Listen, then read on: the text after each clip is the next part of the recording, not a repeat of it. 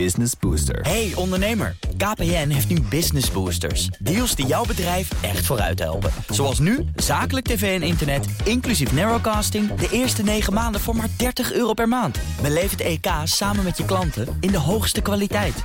Kijk op kpn.com slash businessbooster. Business Booster. Houston, contact with a test one.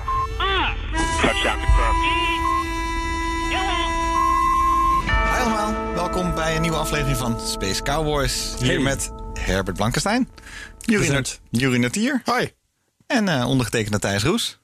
Jij ook welkom. Dankjewel. Terug van, wat was het ook weer? Vorige week als je er niet... Nee, ja, we zijn een beetje aan het rondklooien geweest met, alle, met wie, wanneer, waar bij komt. En de vakantieperiodes komen eraan. En corona was gebeurd en zo. eh, Dus verwacht de komende weken steeds wisselende bezettingen. Ja, we gaan gewoon kijken elke keer wie er, eh, wie er kan en eh, wie er zin heeft. En proberen ook nog wat gasten uit te nodigen. Dus er zijn wat Ja. e-mails de deur uitgegaan. Kijk. Er is, er is nog geen verlossend woord op, maar wie weet. Komen er binnenkort weer. Is wat mensen langs ook. Goodie. Ja, dat zou heel leuk zijn. Dus eh, stay, stay tuned. Wat eh, gaan we vandaag allemaal doen? Waar gaan we het allemaal over hebben? Space Force. Space Force. Niet de- Space Force, de, eh, het legeronderdeel, maar Space Force, de serie. Aha, met van Steve Netflix Carell. met Steve Carell. Ja, We hebben zitten kijken. Allemaal een paar afleveringen. En eh, daar gaan we het over hebben. Ja. Dat is één. en we gaan het ook hebben over eh, ja, astron- eh, astronomie. Over waar, Kijk, waar komt toch eigenlijk. Ja, hè, wij bestaan uit. eh, wij zijn carbon-based life. Hè? Ons, ons le- het leven hier. Voor zover ik weet, ja. Is, ja, hè, allemaal op. Als, als- we hebben ons leven. Alle moleculen zijn opgehangen aan koolstof. Als het. ja, kernmolecuul of atoom, moeten we maar zeggen. Waar komt dat allemaal vandaan? Daar weten we nu iets meer van. En we gaan het hebben over SpaceX, zoals altijd eigenlijk. Eh, want die zitten op de klok, als we op de klok kijken, die willen zo meteen weer even iets gaan launchen. Jury, wat zijn ze aan het doen? Ja, nou, we zitten nu te wachten op de volgende lancering van hun Starlink-constellatie. 57 satellieten deze keer. Ja, ik vind het heel vervelend. Wow. Niet meer steeds 60, maar 57 deze Oh, keer. ja. Omdat er ook twee eh, kleine aardobservatiesatellieten van Black Sky meegaan als passagiers op deze vlucht. Oké. Nou, volgens mij zitten we nu te wachten op eh, goed weer. Eh, we hebben nog zo'n kwartier. Ja, we hebben nu, eh, nou nee, eh 12 minuten hebben we nu nog. En het weer ziet er niet goed uit. Oh. Dus eh, we houden het in de gaten. En voor eh, de oriëntatie van de luisteraar, het is vandaag 8 juli. Ah, dat doet het er niet toe. 2020. Ja, Dat doet het er niet toe. Er gaat, er het gaat elke twee weken gaat zo'n ding omhoog. 17 Ze, zijn allemaal, 48. en ze zien er allemaal exact hetzelfde uit. Precies, tijd, tijd bestaat niet. Tijd is relatief, eh, Herbert. Het is, Ik heb het niet toch gezegd. Ja, al, al, al, zit je op dit moment lekker met je kont ergens op het strand. Gewoon, toch is het je gelukt om midden in de zomer ergens heen te gaan. Dan zit je gewoon onze oude afleveringen terug te luisteren. En dan is het toch spannend. Ja, gaat die, het die- door? Precies. Die luisteraar, die, die verwelkomen we ook. Sterker nog, als we dit, dit niet vertellen wanneer het eigenlijk is, dan is het zeker spannend. Want als je het wel vertelt wanneer Dan, dan weet je wanneer of die gelukt is of niet. Ja. maar wij weten het nog niet. Dus wij, wij zitten op dit moment nog in totale... Ja. nou, hè? Eh, dat zou ik ook niet willen zeggen. Zeker op een podcast is dat heel ongezellig als je dan je mond hebt. houdt. Ehm, de, maar nog tien minuutjes voordat hij dan misschien wel of niet de lucht ingaat. Eh, ja, we houden dat maar gewoon even in de gaten. Ehm, dit is dus weer voor Starlink. Wat ik eigenlijk zo bijzonder vind aan Starlink de hele tijd. Ehm, blijkbaar is er voor hun een bu- business model om dus nu al die vrij dure lanceringen te doen met al die kleine satellietjes. Is het nou de bijvangst of hebben ze nou ook Ja, al een paar keer iets, hebben ze nou ook al eens een paar keer iets omhoog gestuurd met alleen maar voor Nou, dat is sowieso. Dat, ik vind dat een puntje. Als je kijkt naar afgelopen half jaar wat SpaceX allemaal heeft gelanceerd. ehm, het is eigenlijk alleen maar hun eigen grut wat ze de ruimte in hebben gestuurd. Eh, heel veel Starlink geweest. eh, weinig waar ze echt eh, winst mee hebben kunnen maken. En dat viel mij wel een beetje op. Want normaal gesproken heeft oh, Starlink altijd heel veel. Mijn microfoon. Nee, het is niet Oké. van. Sorry, ik zit een beetje met. met, met eh, eh, welkom bij radio, mensen. Dit is, ik probeer een beetje. Je, je klinkt heel hard bij mij, dus ik zit de verkeerde koptelefoon is te een zetten. regelaartje Bla bla voor bla. Dit ben scherm. ik. Ja, nu tetter je niet meer zo in mijn oortjes. Dus Kijk, dat, dat, Dat is een stuk prettiger. Sorry, ga verder. Nee, wat mij dus opviel is het afgelopen half jaar dat er gewoon heel weinig echt revenue binnengekomen is bij, eh, bij SpaceX. Dat is eigenlijk alleen maar zal toch wel gewoon vet door de NASA betaald zijn? Die is betaald, Ja. maar daar hebben ze natuurlijk ook wel zelf hun eigen geld in gestoken. Ja. Eh, en voor de rest is het eigenlijk alleen maar Starlink geweest. Dus we hebben nu afgelopen maand hebben we weer een GPS-satelliet eh, voor de Space Force gehad. Hey, Kijk, ja. Eindelijk. En, de komende periode ziet het er ook wel eh, goed uit met een paar eh, eh, commerciële communicatiesatellieten. Maar ja, ze proberen dus nu om wat eh, ruimte die ze over hebben bij dit soort Starlink-lanceringen, om die in te zetten om eh, kleine bedrijfjes eh, te helpen met het eh, omhoog brengen van hun satellieten. Ja, en Dus bij de vorige lancering was, eh, waren er volgens mij drie kleine, ook drie kleine aardobservatiesatellietjes de lucht in gestuurd. En nu dus twee. En het ziet eruit dat eigenlijk bij de komende lanceringen er ook steeds een beetje ruimte overblijft voor dit soort passagiers. Ja, en dus niet andersom. Ik zou eigenlijk eerder zeggen dat ze zeggen... nou, we, we verkopen eerst een vlucht aan een partij... en daar verdienen we ons geld mee. En dan vullen we de gaatjes elke keer op met onze eigen satellietjes die de lucht ingaan. Maar dus blijkbaar heeft SpaceX voor zichzelf bepaald... dit gaat zo leuk lucratief worden... Ehm, dat... eh, Ja, zij willen natuurlijk voor het einde van het jaar willen ze gewoon een soort van initial operating capability hebben. Uh, dus dan moeten er Ja. volgens mij begin 2021 moeten er in ieder geval 1500 van dit soort uh, satellieten in een baan om de aarde zweven, zodat ze uh, kunnen beginnen met de eerste tests en de eerste mensen ook daadwerkelijk internet via de ruimte kunnen aanbieden. Uh, en daar hebben ze wel wat haast bij, want dat willen ze gewoon zo snel mogelijk uh, gerealiseerd hebben. Ja. ja. Ja.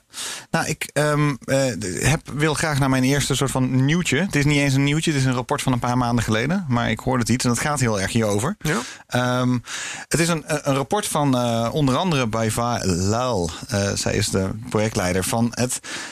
Even een paar afkortingen, want daar houden ze van in Amerika. Zeker als het over zo'n onderwerp gaat. Van de STPI van IDA. Wat is dat nou? Dat is de um, Space and Technology Policy Office. Um, ik heb. Oh nee, sorry. Het Science and Technology Policy Institute, dat is hem. Daar, dat heeft een onderzoek gedaan naar uh, eigenlijk hoe groot is de ruimtevaarteconomie in de Verenigde Staten nu. Um, en nou, ontzettend relevant, want eigenlijk de hele tijd zijn de beloftes. Nou ja. Uh, the sky is the limit, uh, zou ik willen zeggen. De beloftes zijn van die economie elke keer heel groot. Hè? We zeggen het ook in deze podcast vaak, van er komt heel veel aan. Die economie gaat zich enorm ontwikkelen. Maar wat zij nu eigenlijk hebben gekeken, is uh, uh, ja, in hoeverre is dat al waarheid aan het worden? En in hoeverre wordt dat waarheid? Zijn we al op, op, op stoom aan het komen? Het gaat bijvoorbeeld heel vaak over de trillion dollar space industry. Hm. Nou, hebben ze gewoon eens even gekeken van, is het nu al een, een, een, een, een, een dat is het ook weer. Ja. Het is een biljard. Dat is duizend miljard. Duizend miljard. Dat is even Billion makkelijker. is- In het Nederlands raakt dan al de kluts kwijt. In het Engels Ja, is het ja, ja. makkelijker. Ehm, en nou, het antwoord is eh, nee. Oh, dat Nou, is, dat is dus nog niet Dat zo. was de management summary. de management summary is eh, no. Ehm, eh, het, het is interessant. Zij, zij worden ges- gesponsord door de federale overheid van de Verenigde Staten. Ze zijn wel een onafhankelijk instituut. Zitten tegenover het Witte Huis en moeten dus eigenlijk policy-advies geven aan eh, die executive office. Hè, dat gewoon het, het, het kantoor van de president. Ehm, zodat er de overheid er juiste beslissingen op kan nemen. Dus in, in die context hebben ze geschreven. Nou, wat komt daar bijvoorbeeld al uit? Ehm, dat waarschijnlijk eh, veel getallen over de huidige space-economie al ongeveer met de factor 2 te hoog worden ingeschat. Want ze zeggen al vaak ehm, veel zaken worden bijvoorbeeld veel opbrengsten worden dubbel, dubbel geteld. Of Ja. het grijze gebied eh, tussen wat hoort nou wel bij die space-economie en wat hoort nou niet bij die space-economie is, is te groot. Het is veel te ruim genomen, omdat eigenlijk iedereen het- wil dat het zo groot mogelijk lijkt en, en dat allemaal. Ehm, dus bijvoorbeeld, ze gaf een uh, voorbeeld. En, uh, onze collega's van uh, de Planetary, uh, Planetary Radio, ja. Ja. Planetary Society, die hebben de, een eigen podcast. We hebben ook ooit de presentator daarvan in de uitzending Ja. gehad. Zij was daar te gast en ze legde het als volgt uit: van kijk, um, uh, als je een, een film via uh, de satelliet verspreidt. Uh, gewoon zodat het mensen in de huiskamer komt. Um, ja, dan, dan het abonnementsgeld, dat reken je wel mee. Want dat is natuurlijk een soort uh, directe opbrengst. En ook de service-industrie van, om die satellieten te krijgen. Maar de royalties op die film voor de acteur, om het maar even gekscherend te zeggen, dat gaat natuurlijk veel te ver. Maar er is wel een heel groot grijs gebied. Want als je, hè, je hebt die service-industrie voor die satelliet bijvoorbeeld. Nou ja, als, als die personen aan, aan iets aan het klussen zijn en ze halen een broodje om de hoek, hoort dat er dan wel niet bij. Nou, dat is ja, een je, hele je moeilijke. kunt daar nog nauwkeuriger naar kijken. Want um, je kunt doen alsof alles wat nu via satellieten gebeurt, uh, anders niet gebeurd zou zijn. Ja.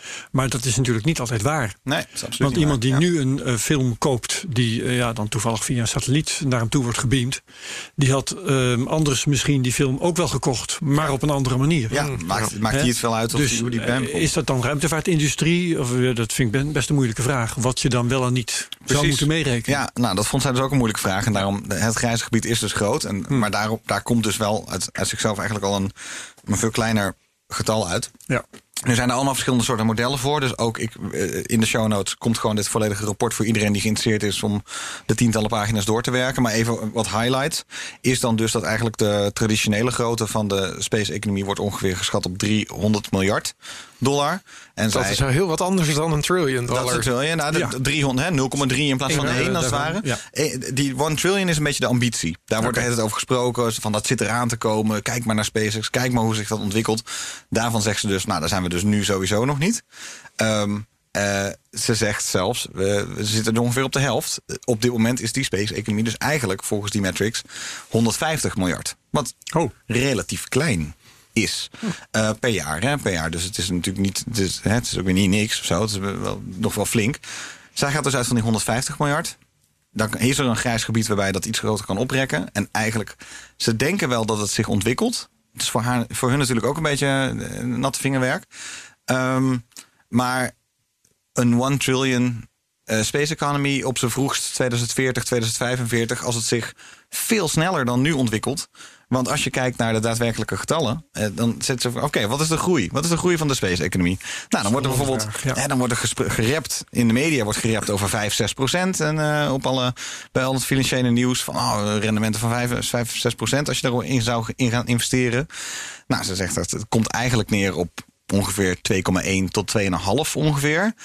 En als we daar de inflatie van afhalen, dan kom je dus dan kom je veel lager uit. Dan kom je dus op, op een groei van deze economie van ongeveer 0,3 procent per jaar. Van dus als het ware de taart. De taart zelf wordt maar met 0,3 procent groter. Want ja, de prijzen worden wel verhoogd. En dan lijkt het alsof het En een het grotere zo economie wordt. dan begint het heel erg tegen te vallen. Want de IT-industrie in de jaren 80 ging, dat ging echt wel met procent, een procentje of 30 op jaarbasis. Exact. En dus is het, eh, het rapport ook wat dat betreft veel meer een soort wake-up call van. Ga nou niet als het ware al, al die huiden al verkopen voordat die beren geschoten zijn. Ja. Want, want het moet allemaal nog van de grond komen. Is nog steeds risicovol. En een van de dingen die ze ook heel duidelijk zegt is ja, die eh, private space-economie die is zich zeker wel aan het ontwikkelen. Maar wie is de hoofdklant? Nog altijd. En onveranderd, procentu- procentueel gezien, is gewoon de overheid. En ehm, al die, als je dan kijkt waar ontwikkelt zich, ontwikkelen zich dingen, dan is dus inderdaad in telecommunicatie eh, het- is daar wel het een en ander aan de, aan de hand. En daar komt dus die kleine groei vandaan. Eh, maar verder zitten de meeste ontwikkelingen eigenlijk nu bij, nou, Space Force, bij Defensie eh, zit, zitten veel ontwikkelingen. En dat is toch weer, toch weer die overheidsklant. Ja. Waarbij dus eigenlijk dus niet die totale pie gegroeid wordt. En super interessant, want een reality check. Ja, ik zie jullie ook. Ik zie Jury bijna een beetje beteuterd kijken. Ja, dit is niet wat ik wil horen natuurlijk. Jij wilde die 10%. Ja, ik wil gewoon die groei hebben. Nee, maar goed. Ja, eh, nee, het is grappig, want het is een van de redenen. Ook toen bij het begin van deze podcast hebben we natuurlijk ook wel eens gezegd van. Oh mijn god, er gaat zoveel gebeuren de Ja. komende jaren. En dat is ook zo. Dat is ook zo. En dat is ook zo. En de- die vinger wil aan de pols houden. Maar het is natuurlijk ook best wel leuk. Ik vind het ook heel lekker om als ware die reality check ook juist erbij Ja. te blijven houden. Zodat je eigenlijk ook vingers op stere plekken kan blijven En op zichzelf dat de overheid een launching customer is en op allerlei manieren ook de ontwikkeling van de technologie stimuleert. Dat is niet verkeerd. Dat is ook in de IT bijvoorbeeld is dat eh, in hoge mate zo geweest. Ja. Denk Aan het internet bijvoorbeeld, om een kleinigheid te noemen. Maar het valt mij wel op dat bij de ruimtevaart dat de overheid na 50 jaar nog steeds eigenlijk de belangrijkste speler is. Uh, ik bedoel, je hebt die telecommunicatie, je hebt een klein beetje aardobservatie, maar eigenlijk alles draait om overheidsprojecten. Nog steeds. Ja. Ja, en een, een mens vraagt eigenlijk eh, zich af, dat zou historisch onderzoek eens moeten zijn, van hoe, hoe ging dat dan met de treinen vroeger? Of hoe ging dat met dat internet? Hè? Ja, met treinen. oh ja, het, mooie, het internet. mooie voorbeeld van treinen is dat in, in, in sommige. Dat verschilt een beetje per land. Uh, maar dat is meestal vanuit private oogpunten opgestart. Uh, Destijds. Destijds. In Nederland ook. Voordat de NS hier kwam, bestond eigenlijk het hele treinnetwerk. Dus het bestond uit allemaal private bedrijven. Mhm. En die zijn pas in de jaren nou, eigenlijk pas zo rond de Eerste Wereldoorlog zijn de eerste zaken genationaliseerd. Daarvoor had je de staatsspoorwegen. Ja. Eh, die eh, waren door de staat opgezet om bepaalde belangrijke onderdelen van het netwerk vo- te voltooien. Maar de belangrijkste hoofdassen waren allemaal private bedrijven. Oh ja. Die pas daarna zijn genationaliseerd tot de NS. En datzelfde zag je dus ook in Duitsland en in Frankrijk en in Groot-Brittannië. Eigenlijk pas na de Eerste Wereldoorlog zijn er echt de eerste staatsbedrijven ontstaan. Huh, om het eigenlijk allemaal bij elkaar te, Ja, dus te het primaire opstarten van die hele sector was gewoon een private aangelegenheid. En, Ja, maar wel gevo- gevoed uiteindelijk toch ook door eh, overheidsgeld die infrastructuur aanlegt. In ieder geval in de Verenigde Staten ken ik het op die manier. In Nederland ook. Met slechte. Nederlandse geschiedenis. Maar... Ja, nee, maar het- vaak wel. eh, maar uiteindelijk de meeste investeringen kwamen toch ook van... In Frankrijk is er heel veel opgezet door eh bankier, bankierfamilies... eh, die gewoon een bedrijfje in de, in de, in de, in de, in de treinenindustrie eh, wilden opzetten... om op die manier ook eh, leuk extra rendement eh, te halen op Ah, hun ja. beleggingen. Ja. En dat zag je meerdere plekken terug. Oké. Nou, en dat zal dan in ieder geval bij, bij Space dus ook voorlopig nog een wisselwerking blijven. Ook al, hè, ze zegt dus ook niet van het is allemaal niet waar. Alleen de, de, de, de getallen zijn gewoon niet zo lang niet zo hoog. Als Ik dat wil niet men te storen, maar hoe staat het met onze lancering? Ik heb even gekeken. Afgeblazen. Oh, is die afgeblazen?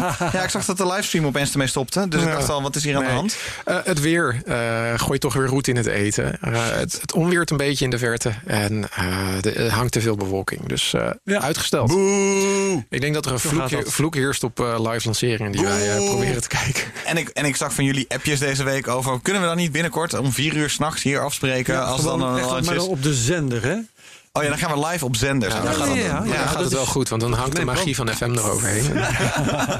Ja, maar ik hoop het. Dan durven ze het niet meer af te blazen. Nee, daarom. Dan hebben we onszelf uit bed gewerkt. En dan zitten we hier Nee. inderdaad met die halve oogjes om Ik denk vier dat wij eh, en dan- niet voor dit soort eh eh, suffe Amerikaanse raketjes die niet tegen een beetje reed. Nee, dus, eh, maar als we moeten gewoon een Soyuz. We moeten gewoon een Soyuz lancering. Die gaat gewoon altijd door. Dat heb ik hier in elk geval bij BNR ter sprake gebracht. Als het een voldoende prominente gebeurtenis is, dan is het bespreekbaar dat we dat op zender gaan James brengen. Webb. Dus dat we ik, dan ik voel een James Webbje aankomen. live met natuurlijk ook camera's in de studio. Oh, James ja, Eh, James Webb. Dan zit ik bibberend met een kleed over me heen. ergens in een hoekje. 8 miljard in één lancering. Oh. Oef.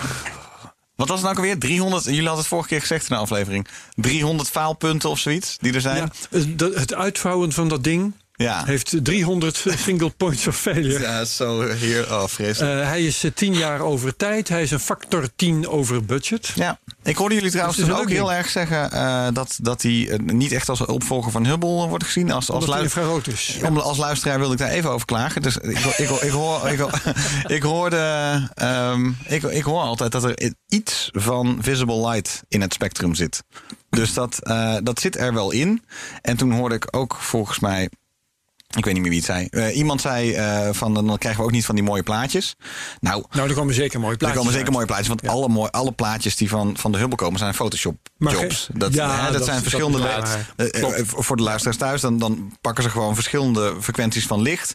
En dan zeggen ze: Oké, als het dus inderdaad een lage frequentie is, dan pakken we, Ja. dan pakken we, maken we een beetje rood. Als het hoge frequentie is, dan maken we een beetje, beetje paars. Weet je wel, ultraviolet. Maar en al, dan in het gaan ze er nog groen. meer uitzien als false color producties. Ja, oké, dat zou natuurlijk kunnen. Al Ja. was het ook maar om recht te doen aan het feit dat het niet is wat je zou zien met je eigen ogen. ja, precies. precies. En maar ik bij dacht, Hubble is natuurlijk wel Ja. iets wat je zou zien met eigen ogen.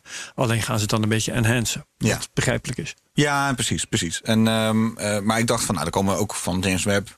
Eh, het is niet alleen de lancering die heel tof is en de gedachte van de ontdekkingen die hij gaat doen, maar ik denk dat ook wel wat eye candy eh naar beneden wordt Je gestraald. moet trouw- zeker, zeker. Ja. Maar je moet de bewerkingen die ze bij Hubble plegen. ehm, ik, ik heb zo'n idee. eh, spreek me eventueel tegen als je het nodig vindt. Mhm. Dat het iets is als make-up bij televisie. Als je mensen zoals ze zijn onder een televisielamp zet, dan zien ze eruit als lijken. Mhm. Weet je wel? Wanneer je wilt dat ze eruit zien als mensen, dan moet je met de verfbus aan de slag. Eh, dus ik stel me voor dat als de Hubble-telescoop foto's maakt van het zwerk, dat dat eruit ziet als iets heel raars. Terwijl als je wilt dat het eruit ziet zoals het er in feite uit zou zien, als je alleen maar zou vergroten hier beneden eh, omhoog kijken, dan moet je gewoon een beetje klooien met Photoshop. Ah, ja, ja. En dat is Ja, vast niet altijd zo. Er wordt vast ook wel echt opgeleukt. Maar toch, die vergelijking met make-up bij de televisie... die Ja, zal is heel- tot op heel- zekere hoogte wel Heel opgaan. terecht, al die posters en t-shirts en zo, dat je allemaal ziet, zijn, hè, dat zijn toch allemaal zwart-wit foto's die uiteindelijk allemaal in, door Photoshop zijn gehaald om daar de plaatjes van te maken die nu zo beroemd zijn geworden. Dus eh, ja. dan nog eventjes eh, terug. Dat was de kijkersvraag van mij. en die ik ook zelf beantwoord heb. je ook niet geluisterd. ja. Thank you for listening. Ja, nou, dus, eh, volgens mij heb ik de grootste punten van dat rapport eh, gehad. In de show Ja. notes staat, eh, staat alles. En ik heb, ehm, eh, ja, wacht tot 2040 en kijk dan nog eens of die trillion dollar industry eh, ontstaan is. Ja, Nu de Space Force genoemd is, zullen we dan ook echt even over de serie gaan hebben. sure. Ja. Want ehm, nou, voor je het niet weet, eh, is dus een serie op Netflix. eh, en het is een comedie. Hè? Dat hebben we net in de inleiding hebben we dat niet gezegd. Comedie over Space Force. Het ruimtevaartonderdeel van de Amerikaanse strijdmacht. Dat in aanbouw is. En ehm, waar we in eh, de podcast De Technoloog al over hebben gepraat met Patrick Bolder. Ehm, die is eh, legerofficier. En verbonden aan, en dan moet ik op Volgens mij Hague Center of Strategic Studies. de Hague? Center of Dankjewel. Ja. Dat is zo'n mond vol dat ik het vaak vergeet. In ieder geval, ehm, die heeft daarover. Dus wil je daar meer over weten over dat onderdeel, dan moet je daar wezen.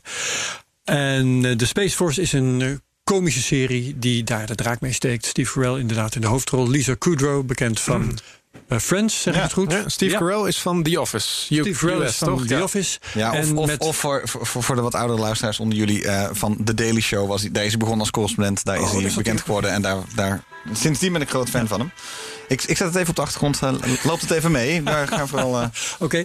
En niet te vergeten John Malkovich als de wetenschapper die daar dan ook nog tussendoor rondloopt. Ehm, en jij vond het niks, Thijs. Ik, wat ik jammer vond, en het. Ik, Oké, ik vind dit dus best wel grappig. Wat ik nu zit te kijken, het begin van aflevering 2. Gelijk overgehaald. Nee, gelijk over gehad. Wat ik, wat ik ehm, het is altijd een soort verwachtingsmanagement ding. Mhm. Tuurlijk is het een comedy. Maar een comedy kan zich, is misschien soms nog grappiger als hij zich aan echte dingen houdt.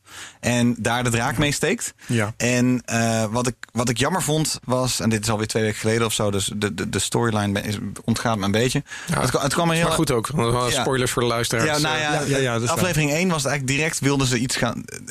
Wat ik, wat ik al. De premisse van de serie vond ik jammer. Dat als het ware Steve Carell wordt. Ik ga een beetje zeiken. Eh, eh, Steve Carell wordt neergezet als. hij, hij krijgt de Space Force als het ware in zijn schoot geworpen. En hij denkt. Wat, Tegen wat, wil en wat- dank. wat- tegen wil en dank. en Wat een lullig baantje. En wat vreselijk. Ja. En, wat, en wat stom. Terwijl ik denk. Daar ging ik als een. Ja, sorry hoor, maar als je de Space Force mag gaan leiden. Al heb je er niks mee, al heb je er niks mee, dan denk maar je, dat oké, is uiteindelijk ook wat, hem voor- overhaalt. Hij gaat denken, wacht eventjes, die en die, Ja. ik weet niet meer wie het was... Oké. die heeft nog eens een keertje de luchtmacht helpen opzetten. Ik geloof dat dat de, de, de ver- vergelijking is. Mhm. Die heeft nog eens eh, de luchtmacht helpen opzetten. En dat heeft zijn plek in de geschiedenis Precies, verzekerd. Daar wordt hij dan mee overgehaald. Eh, dat wil ik eigenlijk ook wel. Ja, precies. Dus hij wordt, dat, wordt zijn, dat wordt zijn typetje. Voor zover En de de comedie vervolg- Ja, geloofwaardig precies. moet zijn... vond ik dat Dus ook toen- wel een dus geloofwaardige Dat was, het voorzetje. En toen Ja. dacht ik vervolgens... Ja, toen vond ik het heel jammer dat de, de, de issues die ze kregen... totaal van de pot gerukt zijn. Eh, dus het, het, het heeft niks te maken met daadwerkelijk launchen... en daadwerkelijk de Nee, dingen die daar ik- grappig aan zijn. ik- ja. Het is totaal een ridicule eh, eh, persiflage op iets Mm, nee, dat... dat ben ik niet een soort van, nou ja, Dat lijkt op ruimtevaart. En, en toen dacht ik... eh, er is zoveel dat ik kan kijken. Is dit dan mijn serie? Dus dat, dit is de kritische noot van mijn kant. Herbert, Ja. Jij bent Nou ja. bij aflevering 8. Jij hebt eh, de afgelopen dagen niks anders ik gedaan. Heb, eh, nou, ik ben er al een tijdje geleden heb ik voor het laatst gekeken. Maar het is een week of misschien twee weken geleden. Dat ik, maar ik ben tot en met de voorlaatste aflevering. Dus ik moet eigenlijk alleen de finale nog zien. Maar toen kwamen er allerlei dingen tussendoor. En ik had genoeg gezien om daar hierover te kunnen lullen. ja, gaat het ergens heen dan? En ehm, gaat het er, ja, het gaat wel degelijk ergens heen. Het gaat namelijk he- heen naar, eh, nou ja, gaan we op de maan landen, ja of nee? Hier zal ik dus de spoilers eventjes Ah, eh, tegenhouden. Dat gaan ze proberen. Eh, precies. En, maar ik zal je vertellen wat ik er aardig aan vind. Want ik vond het dus een hele leuke serie. En het leuke zit hem niet in heel erg komische situaties als in dijenkletsers. Dat je de slappe lach krijgt of zoiets. Maar ik zat eigenlijk voortdurend met een glimlach te kijken. Door echt, vond ik, vind ik nog steeds, leuke dingen. Eh, dingen die te maken hebben met eh, zelfspot is altijd heel belangrijk. Ehm, dat eh, meneer Steve Carell. Ja. in zijn rol van generaal Nerd ehm, in situaties belandt waarin zijn militaire autoriteit wordt aangetast. Bijvoorbeeld in het samenwonen met zijn dochter, die zijn autoriteit dus in het geheel niet accepteert. En die ook op, de, op heel ongelegen momenten eh, in zijn gezelschap moet zijn. Nou, dat zal ik dus ook niet verder. Ja. Maar, eh, eh, en dan heb je John Malkovich, die daar dus als geleerde aanwezig is. Een geniale rol. Waar ik dus, al was hij de enige die daar aanwezig was van enig niveau, dan zou het nog leuk zijn. Ja. Omdat hij die wetenschappen zo leuk neerzet met allerlei krachten en zwaktes. Ehm, wat hebben we nog meer? Nou ja, Lisa Kudrow bijvoorbeeld, die is dan ook een merkwaardig storend element is. Die zit in de gevangenis, niemand begrijpt waarom.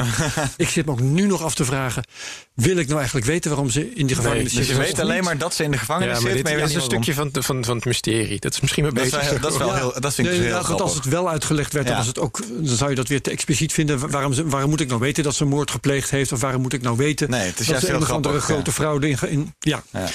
Dus, Dus- bij Silicon Valley zit dat ook. Ik weet niet Ja. of dat keken, maar Dus die zit- elementen van zelfspot, hè, waarin dus eh, het militaire wordt ontheiligd en de wetenschap ook een beetje wordt ontheiligd en allerlei wrijvingen tussen al die verschillende karakters. Eh, die jongen ehm, van Chinese afkomst, van de namen helaas ontschiet, dat, dat zul je altijd zien, die ook in Silicon Valley speelt, die eh, fietst hier ook overal doorheen. Oh, je bedoelt die Jin Yang speelt? In, Ja, eh, oh, oké. Ja, ik ben even. Die ik, zit ook- ik ga even opzoeken hoe die heet. Maar daarnaast ook, daar werk ik naartoe, de president van de Verenigde Staten, die geen moment wordt genoemd. Maar, die, Maar we weten en- allemaal dat het Trump is. Ja, precies, precies. want hij is POTUS en zijn rol is vooral om voortdurend tweets te parachuteren. die van invloed zijn op het proces waar wij getuigen. Dus al die dingen vind ik grappig. Ja. En nogmaals, ik heb geen moment eh, heb ik moeten hikken van de lach. Maar ik zit voortdurend met een glimlach. Van ja, dit is, dit is leuk getypeerd. Ja. Eh, Jin, ik Jin, Jin Yang, even hem. eh, hem Jin Ja. Yang heet eh, Jimmy Yang eh, in het echt. Jimmy Yang. Uit Hongkong. Ja. Eh, heel heel erg grappig gast. Heel erg grappig gast. Dat ik zijn naam niet wist. Maar eh, oké, nou, ik ga natuurlijk een tweede kans eh, geven. Maar Juri, wat. eh, Ja, ik vond het eerlijk gezegd ook een leuke serie. Oké, dat mag natuurlijk. Nee, Ja, ik- dit is ik- niet- over het algemeen is het, juist mijn straatje. eh, dus ik, nee, het is, eh, het is, het is inderdaad mij. niet dat ik, eh, dat ik in een scheur lag. En eh, ik heb van tevoren wel echt even een knopje om moeten zetten... om niet te veel te letten op de echte ruimtevaartdetails. Ja, we zijn gewoon te nerdy. Nerdy bij. als je daarop gaat- handen als je irritante daarop gaat letten... Zo is het niet echt. Ja, Nee, als je daarop Ja. gaat letten. Kijk, twee- er zijn, er zijn een paar dingetjes. Er wordt er op een gegeven moment wordt er een satelliet gelanceerd. Er wordt er een paar dagen voor eh, de lancering wordt er bepaald. Oh, we gaan die satelliet Kun je op nog even wat lanceren? Kan je nog even snel wat lanceren? That's not how it works. Dus Nee. dat niet. En het andere, eh, werd op een gegeven moment werd er een eh, beeld getoond van een Indiase raket. Die werd gelanceerd met gestolen technologie. En dat was gewoon een Soyuz-raket van Rusland. Dus dat soort details. Ja, dat zie je, dan. Heb ik Ja. niet eens gezien. als je daar dan even niet op let, Ja. Dan is het echt een hele leuke, vermakelijke serie. Ja. Eh, aflevering is een half uurtje, dus je kijkt er ook Ja, echt zo doorheen. En Ja. eh, nee, eh, aanrader vind ik. ja. Nou, ik, ik ga het een tweede kans geven. Ik denk dat ik eh, inderdaad, eh, Silicon Valley kwam heel even ter sprake. Wat ik daar dus heel leuk aan vind, is dat ze dus als het ware zo nu en dan sommige dingen lieten zien die gewoon eigenlijk echt zo zijn of zo. Ja. Als het gewoon een yoga sessie van een CEO midden na, na iets of het Ja. constant strelen van ego's. Zo van je, je schijnt dan een lampje op iets dat zo is, maar misschien niet zo opvalt. En dan heb je gewoon meer Mensen die kennis van- gesteld en toch worden doorbetaald. Ja, ja, ja, Dat, precies. eh, Ja, ja, precies. Ja, je hebt precies zulke dingen die dan inderdaad worden dingen die echt zijn, die als het ware een lampje opschijnt. En dat is, daar heb je heel veel kennis van binnenuit nodig. En misschien dat dat in dit geval gewoon wilde eigenlijk de Office nadoen, alleen in een soort space. Eh, setting. Zo voelt het. Zo voelt het een beetje gewoon. Oké, Kijk, ze maar ja. grappig doen. Maar jongens, eh, op Netflix, Space Force. eh Ja, leuk. gaan lekker te zien. Ehm, gaan we door. Zullen we Witte Dwergen doen of gaan we Jury? Ik, ik wil jou eens even iets horen vertellen over een ver land hier vandaan. I- Een ver land? Of een er- half, we half dichtbij. Zullen we een soort van la- een land waarvan je niet wist dat ze een ruimtevaartprogramma hadden? Dat is een categorie aan het worden. Dat is altijd leuk. Zo, Ja. Ik werd eh, de- eerder deze week verrast door een eh, lancering eh, uit Israël. Oh ja. Nee, Israël had wel iets, toch? Israël heeft een, eh, sinds 1988 zijn eigen ruimtevaartprogramma. Eens in de zoveel jaar lanceren ze iets eh, de ruimte in. En dat zijn altijd spionagesatellieten. Altijd spionagesatellieten om hun buren in de gaten te houden. Wat ik begrijp, want dat willen ze inderdaad. En eh, het leuke van, of het interessante van deze lancering is, is dat het nog ineens een hele speciale satelliet is of iets dergelijks. En het is gewoon een, eh, een, een, een intercontinentale raket waar die eh, op geplaatst is. Maar het leuke is, is dat deze lancering compleet de verkeerde kant op gaat ten opzichte van andere lanceringen. Andere raketten worden altijd richting het oosten of richting het noorden gelanceerd. Deze gaat tegen de draaiing van de aarde in en gaat helemaal naar het westen. Oké, ja. Retrograde Maar waarom? heet dat. Ja? Nou, omdat eh, als ze naar het noorden vliegen, dan vliegen ze over Turkije heen. Als ze naar het zuiden gaan, gaan ze over Egypte heen. Als ze naar het oosten gaan, gaan ze over Jordanië, en Saudi-Arabië en Irak heen. Dus er is maar één plek waar ze naartoe kunnen lanceren. En ze zijn eigenlijk het enige land dat op deze manier hun satelliet in de baan om de aarde brengt. Maar is dat verkeerde- zo'n probleem als je zo'n ra- raket eh, in eerste instantie recht omhoog schiet? Komt hij dan op een zodanige hoogte over, pak een beet, Irak, dat ze daar luchtafweergeschut op gaan loslaten? Nee, dat niet. Maar eh, het wordt over het algemeen niet gewaardeerd als je raketten over een ander land lanceert zonder dat Nee. ze daarmee eh, instemmen. Eh, ze zouden kunnen En antwoorden je hebt met... ook het Ja. probleem is dat zeker... dit is natuurlijk een, twee, twee traps, een drietrapsraket. Die eerste trap die gaat op een gegeven moment binnen een paar honderd kilometer vallen. En dat is echt gewoon in een land waar ze officieel nog mee in oorlog zijn... of ze geen goede band hebben. vredesnaam vanaf hun eigen territorium lanceren. Laat het dan in Kourou doen of zo. Nou, ze hebben dus wel eens eh, een, een samenwerking met eh, India gehad. En dat er vanuit eh eh, Sriharikota, dus dat is de lanceerbasis van, van, van ISRO, India's NASA, dat ze daar een spionagesatelliet vanuit hebben gelanceerd. Maar ze willen het gewoon in eigen Ja, handen hebben. Want en, dit kost eh, verschrikkelijk veel meer. Nou ja, precies. Je bent, dus deze satelliet is 300 kilogram. Eh, en zwaarder dan dit kan je het ook niet maken. Omdat als je die kant op lanceert, als je naar het oosten lanceert... Ja. verlies je ongelooflijk veel aan effectiviteit van je raket. omdat je gewoon tegen de baan van de aarde Je in moet gaat. de snelheid van de aardrotatie eerst compenseren. En daarna moet je vanaf nul beginnen. Dus zij leveren een stuk effectiviteit in... om uiteindelijk vanaf hun eigen grondgebied... dit soort satellieten te kunnen lanceren. En nog iets misschien, maar dat hangt een beetje af van het doel van de satelliet. Ehm, ten opzichte van de aarde beweegt hij dan op hij komt hij een stuk sneller over als hij eenmaal in zijn baan zit. Eh, klopt, ja. Hij gaat ook die, die kant op. Hij gaat ook Ja. de verkeerde kant En op. dat betekent als je bijvoorbeeld foto's wil maken, dat je, ik, ik noem maar even iets heel dwaas, dat je makkelijker bewegingsonscherpte krijgt. Ja, dat weet ik eerlijk gezegd niet helemaal zeker. Ehm, Of dat nee, je zou, dat zou niet zeker weten. hangt, dat je Ja. wil. Hè, Kijk, uiteindelijk zou willen dit gebruiken om de landen in hun directe omgeving in de gaten te kunnen houden. Ja. Eh, daar is het eh, prima voor geschikt wel Dat doen ze al jaren. over, dat kun je ook handig vinden. Ja. Oké, Ja. vooruit. Met een weerballonnetje. Ik, ik zat even aan Beersheet te denken. Gewoon dat die maanlanden die ze Ja. eh, hadden gelanceerd. Maar dat was een privaat ding. Dus dit gaat over een Ja, wel. overheidsprogramma. Ja, dit is, dit is 100% een defensieprogramma. Het Ja. is een eh, intercontinentale raket die ze gebruiken. Dat willen ze Eh, zelfs niet aan Amerika toevertrouwen. Nee, en, en Beersheet die zat dus op een Falcon 9 vanuit Cape Canaveral. ja, is Florida. wel, Dus, is wel in samenwerking met eh, een aantal eh, aannemers daar gemaakt die ook hiervoor werken. Maar dat was echt een private, privaat Ja, precies. initiatief. Ja, precies. Eigenlijk niet te vergelijken hiermee. En, en, en ja, ik wil niet te lang blijven, blijven hangen. Maar eigenlijk snap ik dat retrograde nog niet helemaal. Dus als je, oké, dus de, de aarde draait, wat jij net vertelde. ehm, Van west naar oost. Van west naar oost, hè? Ja. Ja. Ehm, zij lanceren hem dus richting het westen. En dus, Tegen de draaiing. in- Zal ik even beginnen bij het begin? ja, Ehm, wat je altijd doet, omdat het nou eenmaal energetisch heel gunstig is, dat is eh, Met de lanceren aarde van mee. west naar oost. ja, Ja, want dan krijg je een zet van de aarde mee. Ja. Je, je hebt die beweging al, ja. Ja. dus maak er dan in godsnaam gebruik van. En nu moeten ze dus eerst zo snel als dat de aarde draait. Dan en dan, en dan zijn ze pas op nul. dan hang je nog Ja, maar stil. Ik snap hem. Ja. En dan, moet je nog verder. En dan moet je dus nog naar 27.000 kilometer per uur gaan. om, om, om eh, in een stabiele baan te raken. Ja, je kan ook eh, zeggen dat net als een vliegtuig, weet je wel. Dan stijgt hij op en dan maakt hij zo'n grote bocht. Dat is nou meer een soort wokkel omhoog. eh. Dat, maar dat is wat bijvoorbeeld wat India doet. Ehm, En dan om omdat zou keren en dan de, de andere kant weer India opgaan. Lanceert heel veel eh aardobservatiesatellieten. En eh, vanuit een lanceerbasis in het zuiden van India, als ze direct in een eh, polaire baan zouden gaan zitten, dan zouden ze stukken raket op Sri Lanka droppen. Nou, Sri Lanka vindt het niet zo chill. Nee. Dus wat ze doen is ze lanceren eerst een stukje naar het zuidoosten. En dan halverwege de vlucht maken ze een zogenaamde dogleg manoeuvre. En dan draaien ze eigenlijk helemaal richting het zuiden. Ah, wat vet zeg.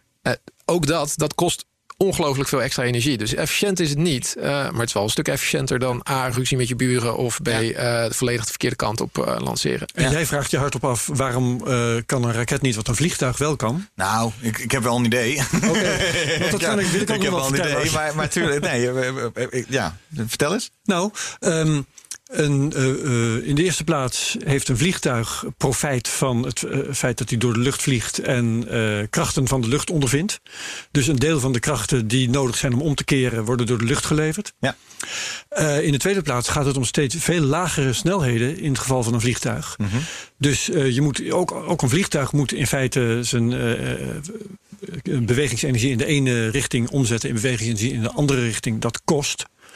Eh, maar het is veel minder. Ja. Omdat het vliegtuig een lagere snelheid heeft, is het dat een minder groot verschil tussen de beweging de ene kant op en de beweging de andere kant op. Ja. Elke keer als je inderdaad je, je, je beweegrichting een klein beetje verandert... dan zeker met snelheden die eh, toch tot in de 20.000, 30.000 km per uur eh, lopen... ja, dat kost ongelooflijk veel energie. Ja. Dus dat wil je zoveel mogelijk zien te En die, voorkomen. die omkeringen die bestaan in de ruimtevaart ook wel. Dan gebruik je een of andere asteroïde of een of andere planeet als slinger. Mhm. Dan is het wel gratis. Maar als het gaat om banen rond de aarde, dan heb je dat even niet bij de hand. Dan moet je echt gewoon eh, ver weg zijn. Ja. De aarde zelf kun je eventueel gebruiken, maar eh, ja, niet eh, als het om dit soort banen gaat. Ik snap hem. En ik hoop de mensen thuis ook. Nou, Je zult- Israël, anders van Israël Anders stuur, stuur boze brieven. ja, waarschijnlijk van Israël horen we de komende periode niks meer. Want ze doen dit één in de twee, drie, vier jaar. Dus Oh, eh, ja. het zal weer even rustig Nou, leuk dat je even een upda- update kon geven. Ja, sowieso. Ehm, dan. Zal ik, zal ik iets ja, proberen? wat heb jij? eh, Eh, wat heb ik grote doos? eigenlijk? Even kijken wat ik ook weer heb. Ehm, Alleen interessante dingen, Herbert. Ja, ik heb, dit wil ik even noemen, maar niet, niet te lang bij stilstaan. Eh, er is een of andere start-up die belooft via een Kickstarter-campagne ehm, eh, ruimtegeur als product. Ruimtegeur. Als Ja, een soort van parfum dat naar Nee. ruimte reikt? Nee, Of- de lucht van het inwendige van een space station bijvoorbeeld. maar dat, ru- dat schijnt toch een scheten, hoor Dat ik ruikt altijd. verschrikkelijk smerig, inderdaad. Dat is het mengsel van allerlei smeermiddelen en, eh, en knoflook. En, en inderdaad menselijk excrement. Ah, oh, jezus. Ja. En, maar het is een vage onderneming. Hij heeft trouwens intussen 350.000 dollar opgehaald. Ehm, maar Ars Technica die heeft erover geschreven. Daardoor kwam ik, er, eh, kwam ik dit op het spoor. En die stellen vast dat eh, eigenlijk nergens duidelijk wordt gemaakt hoe ze dit gaan maken. Dus eh, er is enige verdenking van: ehm, eh, is dit nou werkelijk een serieus te nemen onderneming? Laat- Hoeveel, hoeveel kost het? vond het wel heel grappig. 100 dollar. Ja, goede vraag. Eh, Wat, wat Moet, moet ik even gaan bladeren? Laat u niet oplichten. Eh, wat, wat kun je pledgen? Dat is dan natuurlijk meteen de vraag. Eh, je kunt eh, 10 dollar pledgen. Eh, dus dat is de, eh, eh, zijn de minimale kosten, maar dan heb je waarschijnlijk nog niks. Dan, dan ondersteun je alleen het project for no reward. Ga je naar 15 dollar, dan. Oké, buy one, give one. oh, the space heet het dan. en de kosten daarvan is Valentijnsdag. 29 dollar of meer. Dus dat is ongeveer de kosten van een flesje van deze ruimteluchtparfum. Allerlei. Als we het dus hebben over die ruimtevaartindustrie, hè, hoort dit er dan ook bij? Dat is een goede vraag. Ja, dit, dit, antwoord is haal je nee, die duizend miljard. nog niet. Die duizend miljard die ga je wel halen met gebakken lucht. Ja, dat is wel. Maar eh, alle, alle zichzelf respecterende media zijn er opgedoken. CNN, Ars Technica, Engadget, NPR, Fast Company, Mashable, Tuurlijk. CBS. Er is zo een of ander onbenullig niemandalletje te melden. Laten we er met z'n allen... Mechanics, Daily Mail, New York Post. Ja, en eh, jongens, eh, nieuws is heel belangrijk hè, om te weten hoe de wereld werkt. Dus eh, dat, ook al die bedrijven dat dan, dat dan Ja. ook klakkeloos... Ja. Je neemt Belangrijker serieus. misschien is het uitstel. Dat is best een triest verhaal van de, van de Vega-raket. Ja, Met, Wat? oh, Wat? juist. heel sneu. Met, eh, ik geloof, 53 satellieten van 24 verschillende klanten aan OMG. boord. Die is eerst uitgesteld omdat er een Vega eh, niet werkte of slecht werkte. Jury weet wa- waarschijnlijk uit zijn hoofd wat nou, ding die, eh, overkwam. ontplo- die ontplofte. Die ontplofte gewoon. Ja. Oké, dus ja, hij werkte niet helemaal. eh, Maar dat Nee, was vorig jaar, ja. Zoals dat hoorde. Dat, heet het ook weer? Een niet-nominal prestatie. Ja, Rapid Unscheduled Disassembly noemen ze dat. ja, precies. Dat werk. En deze, die is, oké, om te beginnen daardoor uitgesteld. Vervolgens doet Thijs heeft de, de, de Ja, slappe lach. Ja, een unscheduled disassembly. Dat ding, je ziet dat ding inderdaad gewoon uit elkaar vallen. En dan denk je, ja, ja, dit was unscheduled. Ja, dit was unscheduled. Eerst door corona eh, werd hij uitgesteld. en nu door het weer notabene. Oh. En eh, ja, en nu is hij door het weer, is hij, ik weet niet, een maand of langer uitgesteld. Nou, hij is uitgesteld. Hij is niet opnieuw vraagt- ontploft. Hij is Ja, gewoon... nee, nee, nee. Oh. Nu vraagt zich hardop af, eh, hoezo door het weer zes Nou. weken uitgesteld? Nou, het punt is, er zitten een aantal andere lanceringen aan te komen en die staan te dringen. En eh, om die ruimte te geven is Vega dus nu nog verder uitgesteld. En ze zeggen bij eh Ariane Spas is het. Het is een Italiaanse raket trouwens, een Ja. raket van Italiaanse makelij. Vega. Ja, Hm. zeggen ze bij Ariane Spas, eh, ja sorry, maar ehm, eh, deze moeten even voorgaan. Van, Ja, vanaf en, waar dan?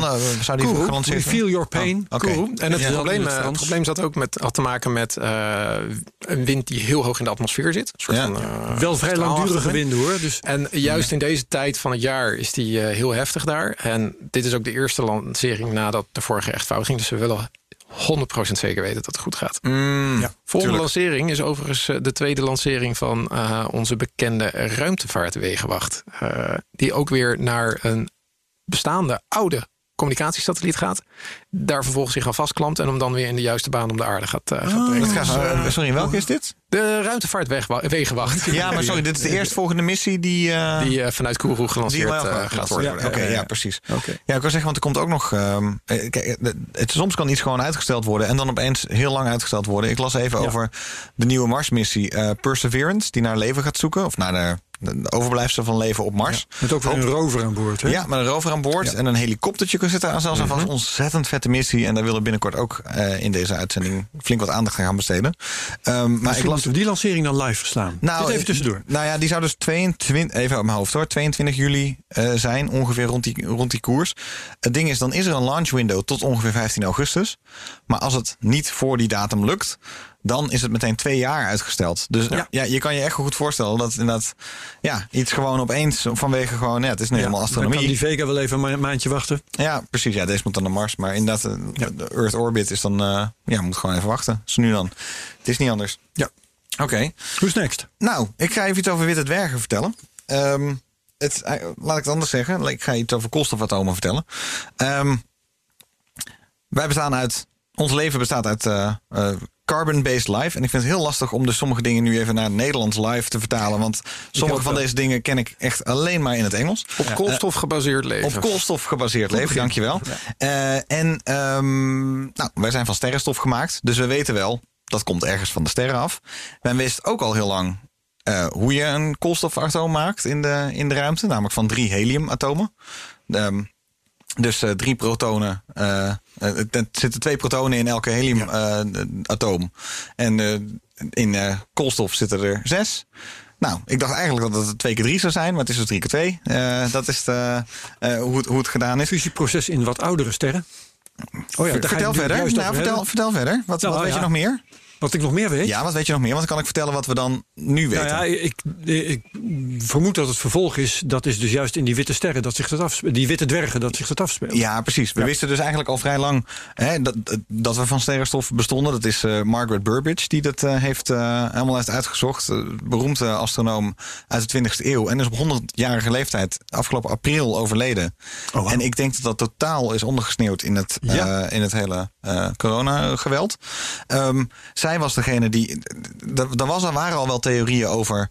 eh, hè, we wisten natuurlijk wel dat er iets in de sterren, dat daar iets werd gemaakt. Maar hoe dat dan precies werkt en welke ster nou precies wat maakte, daar heeft zij eigenlijk het meest defining eh, rapport over geschreven in de jaren 50. Eh, Het is nog steeds, het schijnt leading te zijn als gewoon eh, de handleiding van hoe maken de sterren ons, zeg maar. Ehm, en, maar nu moeten al die kleine vakjes moesten nog ingevuld worden. En bijvoorbeeld is inderdaad, waar kwamen die koolstofatomen nou vandaan? Nou, we zijn erachter. Eh, in witte dwergen. Dus, wat is een witte dwerg? Eigenlijk onze zon wordt ook een witte dwerg. Als eigenlijk een normale ster, zoals onze zon. eh, wat 90% van, eh, van alle sterren is. Hè? 90% van alle sterren eindigt als een witte dwerg.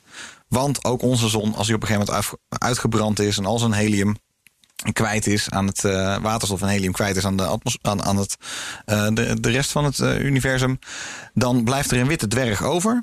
Helemaal binnenin die witte dwerg zegt dit nieuwe onderzoek van. Ik moet even zijn naam natuurlijk goed noemen, anders dan hè, ere wie ere toekomt. Uit Italië. Ehm, Paolo eh, Marigo. Ja, zij is een researcher aan de Universiteit van Padua in Italië. Zij is erachter gekomen, koolstofatomen worden gemaakt in het midden van die witte dwergen. Gaan dan, vinden hun weg naar buiten. Zitten vervolgens op de buitenste laag. En worden vervolgens door de zonnewind langzaam ervan afgeblazen. Het universum in. Echt super gaaf. Dus eh, een, zachte wind aan het oppervlak eh, brengt die, eh, die koolstofatomen de, de wereld in. Om vervolgens, de wereld in, het universum in. Om er vervolgens, wie weet, ooit ergens op een ander planeetje Intelligente wezentjes. van intelligente te maken. wezentjes van te maken die er vervolgens over kunnen kletsen. Over hoe dat werkt. Dus Is in elk geval één keer gebeurd. ja, precies. Ja. Dus nou, dit is weer één klein. hey, dat is in principe. Eh, dus, dus we weten het eh, van waar het gemaakt wordt. En het is natuurlijk, eh, als we dat totale verhaal over hoe waar komt leven nou precies vandaan willen kunnen vertellen, moeten we ook weten waar die atomen vandaan komen. En dat, dat puzzel, puzzelstukje is dus nu opeens even gelegd. Dus dat is heel tof. Leuk. Ja, Dit zijn wel de interessante ontdekkingen natuurlijk Ja. die soms gedaan worden. En ik vind het ook wel fascinerend dat er dus in de jaren 50 dus al een theorie neergelegd is. En dat we dus nu steeds echt bewijs vanuit de astronomie krijgen dat dit soort theorieën kloppen. Ja, Eh, ja kernfusie eigenlijk. en Weet je wat het was? Het wa- kernfusie, dat, dat, dat werd gewoon begrepen op papier als het ware van hé, dat kan dus. Eh, maar vervolgens werd er, waren de astronomische observaties gewoon nog niet goed genoeg om al die data goed in te vullen. En pas tegen de jaren 50 is dat dus eigenlijk, was dat allemaal voorhanden. En door eindeloos naar allemaal verschillende soorten sterren te kijken, werden dus die ideeën daarover, heeft dat dus, eh, ja, weten te stollen in als het ware. Oké, die ster doet dus dit. Hier heb je een supernova, die doet iets anders. Waterstof wordt omgezet in helium door kernfusie in een normale, reguliere ster. En zo. Ehm, en, en er blijven nog steeds heel veel dingen over. Want we weten bijvoorbeeld ook wel dat eh, ja, in, in, in supernova's worden bepaalde zware metalen gemaakt. Maar eh, dan zien we bijvoorbeeld weer dat er niet genoeg. ehm, eh, dat als je naar de rest van het universum kijkt, dan, wordt bijvoorbeeld, dan, dan missen er heel veel atomen. Er zijn heel veel atomen kwijt. Lithium bijvoorbeeld is een heel be- belangrijk voorbeeld van. Eigenlijk zou lithium langsgekomen moeten zijn in het ontstaan van het universum. Maar waar is al lithium gebleven? Dus die missen we. En zo moet eigenlijk. Zij heeft als het ware de roadmap uitge, uitgeplot. Maar de letterlijke. Waar wordt nou precies wat exact gemaakt en hoe komt het dan vervolgens de rest van het universum? Stap voor stap voor stap eh, is het een groot mysterie dat we aan het ontrafelen zijn. Dat echt gek. Mooi. Mooi. Ja. Ik ben helemaal leeg verder voor vandaag. Dus ik, ik, ik let lekker met jullie mee vanaf nu. Eh, Oké. nou, dan wat, wat in elk geval Ik hang gewoon lekker achterover. moet worden. eh, dat is, ehm, eh, het is eh, 8 juli, had ik al gezegd. As we speak is er dus een komeet aan het firmament. Hè? Ja, n- n- nou, ik, zie, ik zie alleen maar grijs buiten. Maar Ja, ik zag zeggen van, vannacht is die en die komeet te zien. Toen dacht ik echt van, Ja, wat nou? nee. Het regent pijpenstelen. Waar, waar, stel, het is. eh, het klaart opeens op. Waar moeten we kijken de komende dagen? Ehm, dan moet je kijken, eh, de eerste dagen na nu, eh, tijdens nu al 8 juli, maar de eerste, eerste paar dagen nog, eh, moet je ongelooflijk vroeg opstaan. Om een uurtje of eh, vier, als ik me niet vergis. Zoek vooral zelf eventjes. De komeet heet Neowise. Neo-wise. Ja, dus neo van nieuw en wise van wijs. Eh, dat eh, is niet wat het geacht wordt te betekenen, maar dat heeft te maken met de telescoop die hem ontdekt heeft. Ik heb nog nooit een komeet gezien in tekst. Oh nee? Oh, in 1995. Diverse keer. Dus, Ja? Is mooi, is onvergetelijk. Dus als je de kans krijgt, als het een keer helder is s'nachts. Eh dus oké, de eerste paar dagen nog eh, heel vroeg opstaan. Uurtje of eh, drie, vier. Kijk het vooral zelf even na voor jouw locatie enzovoort. Ehm, en vanaf vrijdag ook s'avonds laat. Rond een uur of elf. Dat is natuurlijk Oké. een stuk stuk mensvriendelijker interessanter. tijdstip. En is die ook zichtbaar in stedelijke gebieden? Of moet je echt. dat wordt moeilijker, want kijk, alle verhalen gaan op voor die, die opgaan voor zwakke objecten. Dus eh, bewolking natuurlijk, lichtvervuiling helpt niet, Mhm. Ehm, eh, luchtvervuiling helpt niet. Eh, alles wat eh, dingen moeilijk maakt om te zien, dat helpt niet. Eh, dus je kunt het beste gaan naar een plek waar weinig licht aanwezig is. Het moet natuurlijk helder zijn. Ehm, je, je zicht op de lage horizon moet goed zijn, want het ding komt niet al te hoog boven de horizon. Oh, serieus? Op de, natuurlijk, altijd, want een komeet is een komeet omdat hij dicht bij de zon staat. Ja, tuurlijk. Ja, vet. Ja.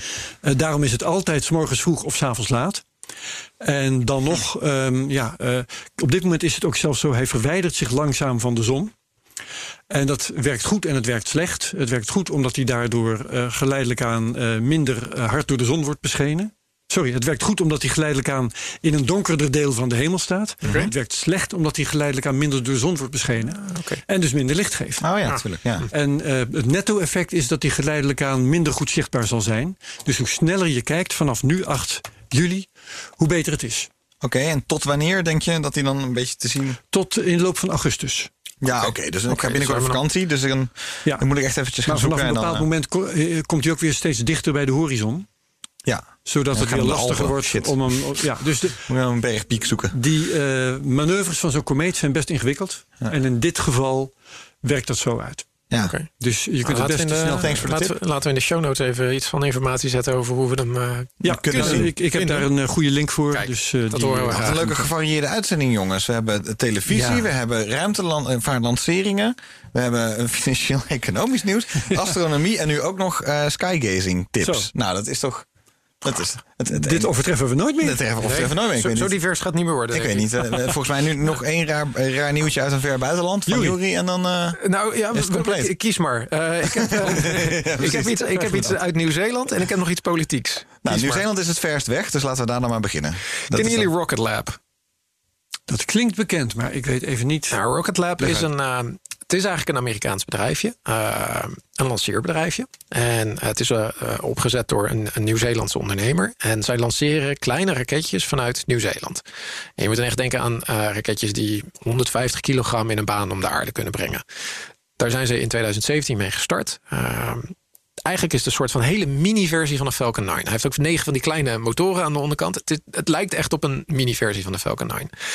En uh, de businessmodel van Rocket Lab is dat zij voor heel weinig geld een hele kleine satelliet in de baan om de aarde kunnen brengen. Dus voor een paar miljoen heb jij een dedicated raket om uh, jouw 100 kilogram uh, zware satelliet uh, in een perfecte baan om de aarde te krijgen. Nou, zij zijn ook druk bezig met het hergebruiken van, van die raket. Dus wat zij later dit jaar willen gaan doen, is de eerste trap proberen op te vangen. Als hij aan de parachute naar beneden komt via een uh, helikopter. Met een schep, nee. nou, het is gewoon een, een, een helikopter, een helikopter met een grote haak eraan. Wow. Ze vliegen over die parachute, plukken hem dan uit en brengen hem weer terug naar uh, de lanceerbasis. Wow, Ze hebben dus de eerste ja. test uh, vorig jaar al gedaan met gewoon iets wat niet gelanceerd was, maar wat gewoon uit de vliegtuig was gegooid. En dat liep goed. En het is techniek die ook al eerder is gebruikt in de jaren 60 om uh, spionagesatellieten, ah, ja. capsules van spionagesatellieten uit de lucht te plukken. Wow. Interessant om die beelden eens een keer terug te zien. Ja. Maar nu hadden zij dus afgelopen weekend hadden zij een lancering. En uh, ik zat te kijken. En dat ging goed in het begin. Totdat ik op een gegeven moment in beeld zag dat uh, hij niet meer sneller ging. Hij verloor uh, hoogte. En die hele webcast die ging gewoon door alsof er geen, uh, geen enkel issue was. En nu bleek dus uiteindelijk dat hun lancering mislukt was. Ongelooflijk jammer, want ik vind het een heel erg cool, cool bedrijf. Ja. Wat, wat, het, is, het is echt een soort van mini-versie van SpaceX. En uh, de satellietjes die er aan boord waren... waren ook allemaal kleine aardobservatiesatellieten. Bijvoorbeeld van Planet Labs, een uh, start-up uit, mm -hmm. uh, uit de Verenigde Staten. Ja. Canon, bekend van uh, de mooie camera's uh, die ze hebben. Die uh, had ook een satelliet aan boord. En nog een ander klein onderzoekssatellietje. Ah, die zijn allemaal verloren gegaan. Oeh, zo serieus. Ik vind dat altijd zo moeilijk, jongen. Als, ja, en je ziet dan ook dat iedereen verslagen is. Ja. En je ziet dan ook dat um, een, van die, een, van die, een van die makers van die satellietjes zei dat ze gutted waren door uh, het verlies van hun uh, satellietje. Ja, dat waren echt plekken waar ze, of dat zijn satellieten waar ze dan al jaren aan hebben gebouwd en die opeens verloren zijn. Uh, ja.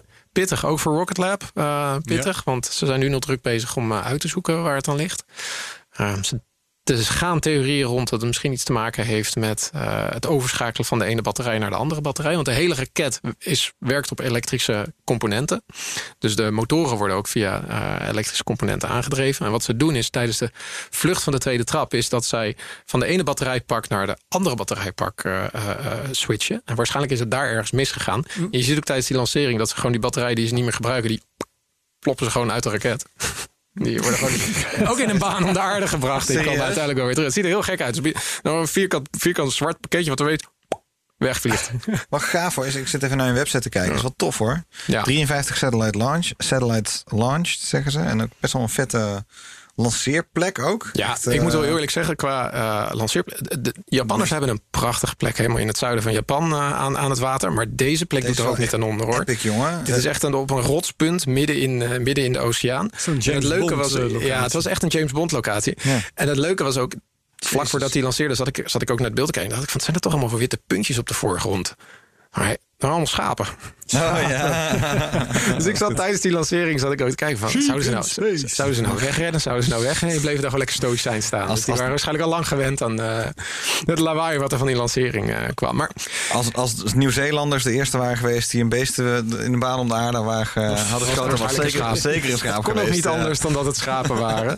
ik zeker niet voor Nieuw-Zeeland. Maar vet, dus nee. Nieuw-Zeeland heeft ook al een ja, programma. En, Wel tof en, zeg. Ja. Ja, het is dus wel een Amerikaans bedrijf, maar goed, Ja, het is een ja, beetje half Amerikaans, half Nieuw-Zeeland. Hij is Want hij is Nieuw-Zeeland. Hij is een Nieuw-Zeelander, Peter Beck heet hij. Oh, Peter Jackson, dacht ik. Nee, andere Pieter. Ja. En eh, laten we hopen dat ze snel vinden wat het probleem is... en dat ze snel weer terug kunnen gaan. En dat ze ook snel die mooie experimenten kunnen uitvoeren... met het eh, uit de lucht plukken van hun eerste gebruikte eh, trappen. En, Mahia, zo heet een launch complex. Mahia.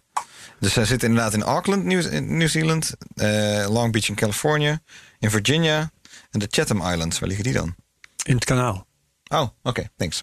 Nou, You're welcome. we zijn helemaal bij. Inderdaad, ze zeggen dus een true global company. Het is wel grappig dat je inderdaad naar SpaceX refereert, want dat, die feel krijg je er wel Check een dat beetje voor. trouwens ja. wel, want Ja. misschien zijn het toch wel gewoon Zuidzee-eilanden. Nou, oké, als jij dat wil. eh, Oké, onzeker. Chatham Island. Nou, dat wat is dat live- moment dat je denkt... Klopt dit? Klopt dit wel? Ja. Gaan we even Herbert Blankenstein eventjes zo goed Fact-checken, gewoon een live fact-checken. Zo, Chatham Chatham Islands. Islands. eh, eh, eh, ja, Nieuw-Zeeland. Nee, dat ligt toch echt eh, helaas ook... Wow, dat ligt echt in the middle of nowhere. Bij, met het dorpje Ouwenga ligt daar ook.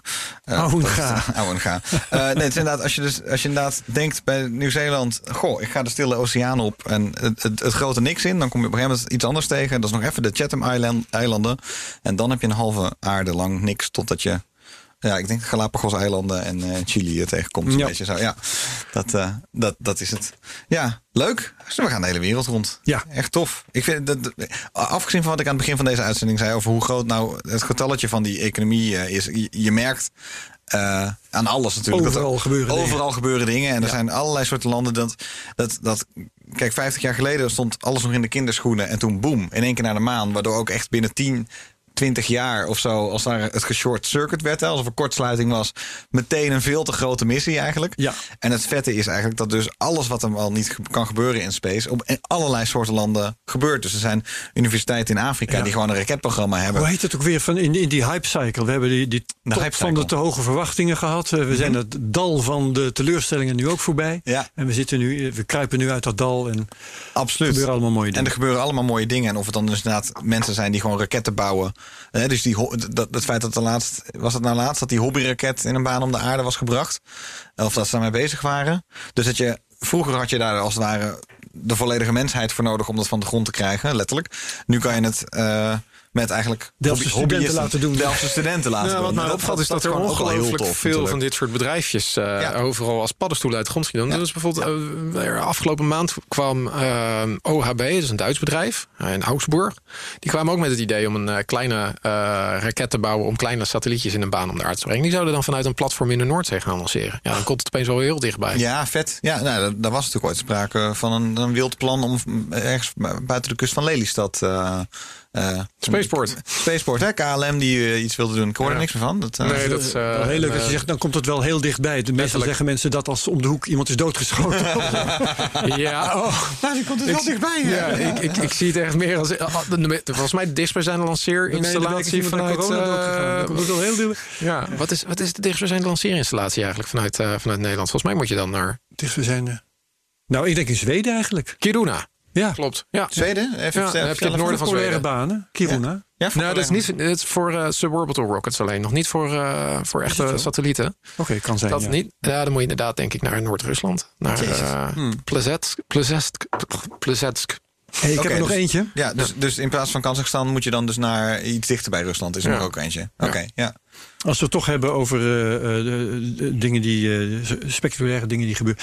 We weten intussen dat CubeSats bestaan, hè? goedkope satellieten. Ja, staat in dat in een rapport van mij ook niet. Van, hè, het blijkt elke keer dat de economische. Het is efficiënter voor de mensen wie het al lukt. Maar Ja. om iets nieuws van de grond te krijgen, schijnt heel moeilijk te zijn. Oké, oké, maar goed. Dus, dat, wensen dat allemaal succes. Dat Sorry. is mijn inleiding nog Ik maar. zal- ik zal- ja. We hebben nu ook Cube Rovers. Oh. Er staat een prachtig eh, stuk op eh, nasa.gov. Ik, weet, ik kwam daar waarschijnlijk via space.com of zo. Ehm, cool. Een of andere afdeling bij de NASA die wordt geleid door een hele jonge dame. Ehm, leeftijd eh, moet ik je even schuldig blijven, maar ze is eigenlijk nog. Ze, ze is daar begonnen als stagiair en, en leidt nu een afdeling. Ehm, en ontwikkelt een Cube Rover. Echt een ding, ik kan hem jullie nu even laten zien. eh, eh, niet veel groter dan haar hoofd. Ze staat er Oh, echt zo'n eh, Lego bijna. Lachend eh, met dat ding. Ja, eh, zo'n technisch, technisch Lego Daar eh, doet het aan denken. ding. Eh, voor op de maan. En eh, die gaat ook in 2021 gaat die gelanceerd worden. Die gaat dan Oh, proefrijden op de maan. vet.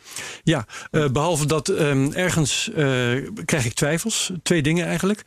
Als ik probeer na te gaan wat het ding op de maan gaat doen, dan vertellen ze eigenlijk alleen maar dingen die een beetje doen denken aan dat eh, Lunar Project van Google, de, de X, eh, Lunar X-Prize. X-Prize.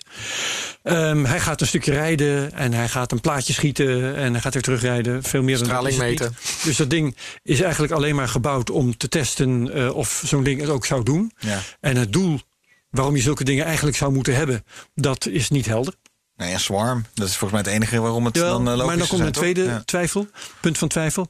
Ehm, waarom hebben alle maanwagentjes en marswagentjes die er tot nu toe geweest zijn, voor zover ik weet, best wel grote wielen gehad? Ja. Eh, dus namelijk omdat je ook over een aantal eh, niet al te kleine keien heen wilt kunnen rijden. Ja. Want de maan is een beetje ruw terrein. Ja. En hoe kleiner je wielen, eh, hoe, eh, hoe kleiner de keien waar je niet overheen zult kunnen komen. Ja, precies. Ik, als ik die leuke foto's van haar zie, dan... Die komt niet ver. Nee, dan heb je inderdaad het idee van... Ja, maar dat, ja, ik Tenzij je van tevoren het terrein uitzoekt dat heel smooth is, heel glad is. Ja, maar dat, Zodat dat, dat- dat, maar dat heb je niet zo snel vinden. Je hebt ook je nog regoliet, vinden. eh, regoliet waar je met Omdat het ook weer, precies, omdat het ook weer betekent dat de steentjes die je moet kunnen zien vanaf jouw observatiepunt, die worden heel klein. Anders dan kun je ze niet zien en kun je ze ook niet ontwijken. Ja. Kun je ook niet dat ding daar neerzetten waar ze niet zijn. Dus dat is moeilijk. En daarvan, daardoor denk ik van nou eerst zien dan geloven. Maar ik vind het wel heel leuk. Want het voordeel als je hier iets aan hebt, is natuurlijk wel dat ze heel goedkoop zijn. En net wat jij zegt, eh, Thijs. Je kunt er dan ontzettend veel neerzetten. Ja. En het is niet erg als 90% nergens komt. Nee, nee, precies. Nee, Alleen al die jammer, jammerlijke bandensporen op de maan. Dat is zo uh, horizonvervuiling. Zo lelijk, hè? Ja, ja. Ja, zo lelijk. zo'n last van als ik dan s'avonds naar buiten kijk. Dan, eh, nee. ja, precies. Nee, dat wil je niet. Ik, ik vind wel dat Thijs gelijk heeft. Er komt een punt dat je eh zover bent in je maanexploratie... dat je zegt van, jezus, het ziet er hier wel ontzettend lullig uit. We hebben de boel wel bedorven. Ja. Met astronautenpoep Ja. en andere, ander afval. Ja, ik- en en eh, afgedankte eh, maanrovers, maar ook hun sporen. Ja, ik Het nu, vergaat niet. Dus, Nee. Het gaat nooit meer. ik zit al te denken aan de, de, de plek van Apollo 11 bijvoorbeeld. Tenzij Dat je op een gegeven moment een soort, nou ja, soort, soort vreemde, vreemde visie op een gegeven moment van... wow, oké, dus stel al die bases komen er van, van Europa, van, de- van China... En, en het wordt inderdaad normaal en over twintig jaar is het iets normaler. Ja. Dan kan je je dus heel goed voorstellen dat als het op een gegeven moment praktisch haalbaar is... dat je gewoon zegt als astronaut van... hé, hey, weet je wat we vandaag gaan doen? Opruimen. Nee, Nou we, nee, we gaan even naar die Apollo-plek. Ja. Naar die op, nee, even het verhaaltje. Ja, Ja, de, de, de visie die ik had. Dus dan ga je naar die Apollo-plek. En dan kom je daar en dan is het een soort, soort toeristendingetje. Ja. En waarschijnlijk een lintje gespannen, want op een gegeven moment moet die niet te veel zijn. En volgens mij wordt het een hele troosteloze plek. Omdat het dus inderdaad alle sporen van iedereen die er ooit is geweest, die ga je zien. En dan uiteindelijk ga je één lullig plekje hebben van ja, dit is het met een omgevallen vlag. Waar niemand bij mag komen. Want als er maar één iemand een keertje heen loopt, ja, dan is je hele historische plek eh, is, is vergaan. Dus ik, ik weet niet. Ik, ik, ik, ik, ik, Ja. ik hou elke keer. Ik heb er zo'n. Het vreemde van elke keer van alles wat met ruimtevaart te maken is. Aan de ene kant is het, het, het, het, het gaat over de allermooiste avonturen die we als mensheid kunnen beleven. En dan tegelijkertijd voelt het ook alsof we iets, iets kapot maken. Op, het, Ja. op hetzelfde moment. Ben Dat ik is altijd met- dat is- de, dat de is tweestrijd de, de, die, waar ik altijd in Het zit. vervelende van menselijke exploratie. Ja. Ja. Ja, dat is, altijd het is een filosofische vraag trouwens. De eerste, de, de landingsplaats van Apollo 11, is onomstreden een monument. Ja. En waarschijnlijk alle, geldt dat voor alle Apollo-locaties. ook voor een aantal andere. Surveyor, Lunokhod. eh, allemaal eh, geweldig als je die kunt terugvinden en daar kunt kijken.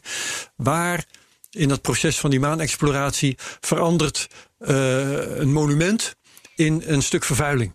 Ja. Ja. Ik weet het niet. Eh, eh, verschillende mensen zullen daar verschillend over denken. De tijd, de tijd zal het weten. Ja, En het, wordt, en het wordt dan ook helemaal platgeslagen. Ik, zat, ik moest deze week een project doen over de pilgrims eh, die naar Amerika gingen.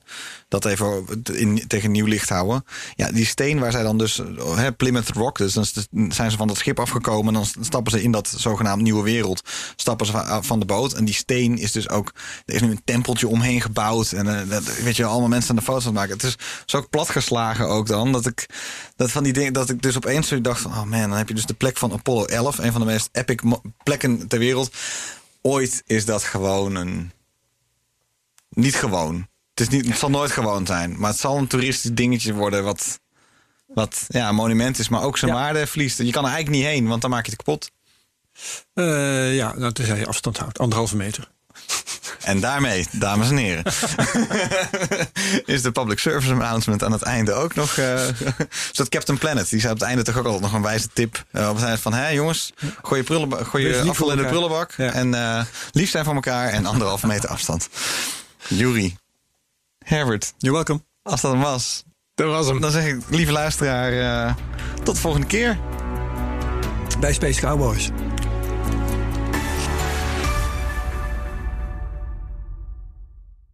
Business Booster. Hey ondernemer, KPN heeft nu Business Boosters. Deals die jouw bedrijf echt vooruit helpen. Zoals nu, zakelijk tv en internet, inclusief narrowcasting... de eerste 9 maanden voor maar 30 euro per maand. Beleef het EK samen met je klanten in de hoogste kwaliteit.